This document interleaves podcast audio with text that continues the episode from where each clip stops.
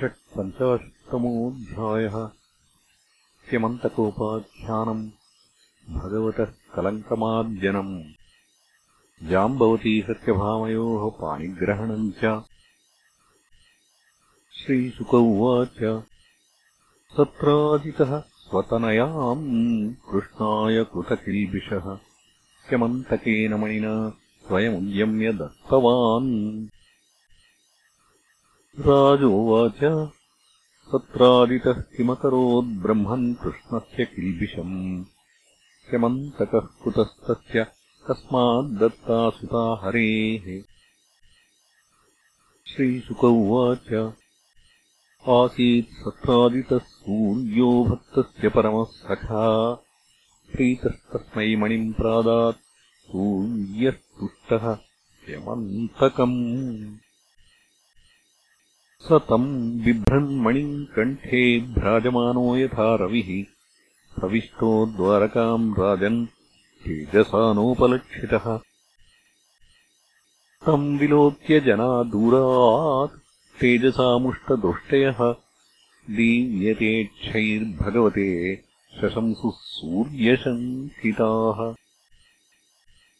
नारायणनमस्तेऽस्तु शङ्खचक्रगदाधर दामोदर अरविन्दाक्ष गोविन्दयदुनन्दन एष आयाति सविता त्वाम् दिदृक्षुर्जगत्पते मुष्णन् गभस्थिचक्रेण नृणाम् चक्षूंषि तिग्मगुः नन्वन्विच्छन्ति ते मार्गम् त्रिलोक्याम् विबुधर्षभाः ज्ञात्वाद्यगूढम् यदुषु द्रष्टुम् त्वाम् यात्यजः प्रभो। श्रीशुक उवाच। निशम्य बालवचनम् प्रहस्याम्बुजलोचनः। प्राहनासौरविद्देवः। सत्राजिन्मणिनाज्ज्वलन् सत्राजित् स्वगृहम् श्रीमत्कृतकौतुकमङ्गलम् प्रविश्य देवसदने। मणिम् विप्रैर्न्यवेशयत् दिने दिने स्वर्णभारानष्टौ स सृजति प्रभो। दुर्भिक्षमाद्यरिष्टानि सर्पाधिव्याधयो शुभाः न सन्ति मायिनस्तत्र यत्रास्तेऽभ्यर्चितो मणिः। स याचितो मणिम् क्वापि यदुराजाय शौरिणा नैवार्थकामुकः प्रादात् याञ्चाभङ्गमतर्कयन् तमेकदा मणिम् कण्ठे प्रतिमुच्य महाप्रभुम् प्रसेनो हयमारुह्य मृगयाम् व्यचरद्वने प्रसेनम् सहयम् हत्वा मणिमाच्छिद्य केसरी। गिरिम् विशन्याम्बवता निहतो मणिमिच्छता। सोऽपि चक्रे कुमारस्य मणिम् क्रीडनकम् बिले अपश्यन् भ्रातरम् भ्राता तत्रादिपर्यतप्यत। प्रायः कृष्णेन निहतो मणिग्रीवो वनम् गतः भ्राता ममेति तच्छ्रुत्वा कर्णे कर्णे जपन् जनाः। भगवान् तदुपाश्रुत्य दुर्यशोलिप्तमात्मनि मार्ष्टुम् प्रसेनपदवीम् अन्वपद्यतनागरैः हतम् प्रसेनमश्वम् च वीक्ष्य केसरिणावने तम् चाद्रिपृष्ठे निहतम् वृक्षेण ददृशुर्जनाः। वृक्षराजबिलम् भीमम् अन्धेन तमसावृतम्। एको विवेश भगवान् अवस्थाप्य बहिः प्रजाः। तत्र दृष्ट्वा मणिश्रेष्ठम् बालक्रीडनकम् कृतम्। हर्तुम् कृतमतिः तस्मिन्नवतस्थेऽर्भकान्तिके तमपूर्वम् नरम् दृष्ट्वा धात्रीचुक्रोशभीतवत् तच्छ्रुत्वाभ्यद्रवत्क्रुद्धो जाम्बवान् बलिनाम् वरः।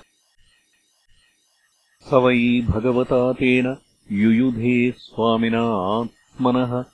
पुरुषम् प्राकृतम् मत्वा कुपितो नानुभाववित् द्वन्द्वयुद्धम् सुतुमुलम् उभयोर्विजिगीषतोः आयुधाश्मद्रुमैर्दोर्भिः क्रव्यार्थे श्येनयोरिव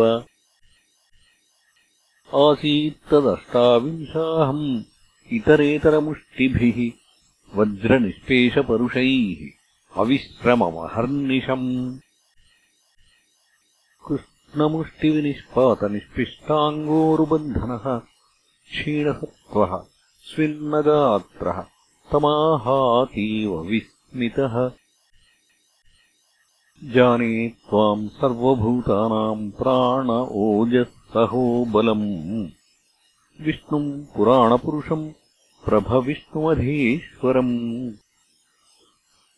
त्वम् हि विश्वसृजाम् स्रष्टा सृज्यानामपि यच्च सत्। कालः कलयतामीशः पर आत्मा तथात्मनाम् यस्येष दुःकलितरोषकटाक्षमोक्षैः वत्मादिशत् क्षुभितनक्रतिमिङ्गिलोभिः सेतुः कृतः स्वयश उज्ज्वलिता च लङ्का रक्षशिरांसि भुवि पेतुरिषुक्षतानि इति विज्ञातविज्ञानवृक्षराजानमच्युतः व्याजहारमहाराज भगवान् देवकीसुतः। अभिमुष्यारविन्दाक्षः पाणिना शङ्करेण तम्। कृपया परया भक्तम् प्रेमगम्भीरया गिरा। मणिहेतोरिह प्राप्ता वयमृक्षपते बिलम् मिथ्याभिशापम् प्रमृजन्मात्मनो मणिनामुना। इत्युक्तः स्वाम् दुहितरम् कन्याम् जाम्बवतीम् मुदा अर्हणार्थम् स मणिना कृष्णायोपजहारः। अदृष्ट्वा निर्गमम् शौरेः प्रविष्टस्य बिलम् जनाः प्रतीक्ष्य द्वादशाहानि दुःखिताः स्वपुरम् ययुः। निशम्य देवकी देवी रुक्मिण्यानकदुन्दुभिः सुहृदो ज्ञातयोऽशोचन् बिलात् कृष्णमनिर्गतम्। सत्रादितम् शपन्तस्ते दुःखिता द्वारकौकसः उपतस्थुर्महामायाम् दुर्गाम् कृष्णोपलब्धये तेषाम् तु देव्युपस्थानात् प्रत्यादिष्टाशिषा स च प्रादुर्बभूवसिद्धार्थः सदारो हर्षयन् हरिः। उपलभ्य हृषीकेशम् मृतम् पुनरिवागतम् सह पत्न्या मणिग्रीवम् सर्वे जातमहोत्सवाः। सत्रादितम् समाहूय सभायाम् राजसन्निधौ प्राप्तिम् चाख्याय भगवान्। मणिम् तस्मै न्यवेदयत्। न चातिव्रीडितो रत्नम् गृहीत्वा वाङ्मुखस्ततः। अनुतप्यमानो भवनम् पाप्मना। सोऽनुध्यायंस्तदेवाघम् बलवद्विग्रहाकुलः। कथम् मृजाम्यात्मरजः प्रसीदेद्वा च्युतः कथम्? किम् कृत्वा साधुमह्यम् स्यान्न शपेद्वा जनो यथा? अदीर्घदर्शनम् क्षुद्रम् मूढम् द्रविणलोलुपम्। दास्ये दुहितरम् तस्मै त्रिरत्नम् रत्नमेव च। उपायोऽयम् समीचीनस्तस्य शान्तिर्न चान्यथा एवम् व्यवसितो बुद्ध्या सत्रादित् स्वसुताम् शुभाम् मणिम् च स्वयमुद्यम्य कृष्णायोपजहारः। ताम् सत्यभामाम् भगवानुपयेमे यथाविधि।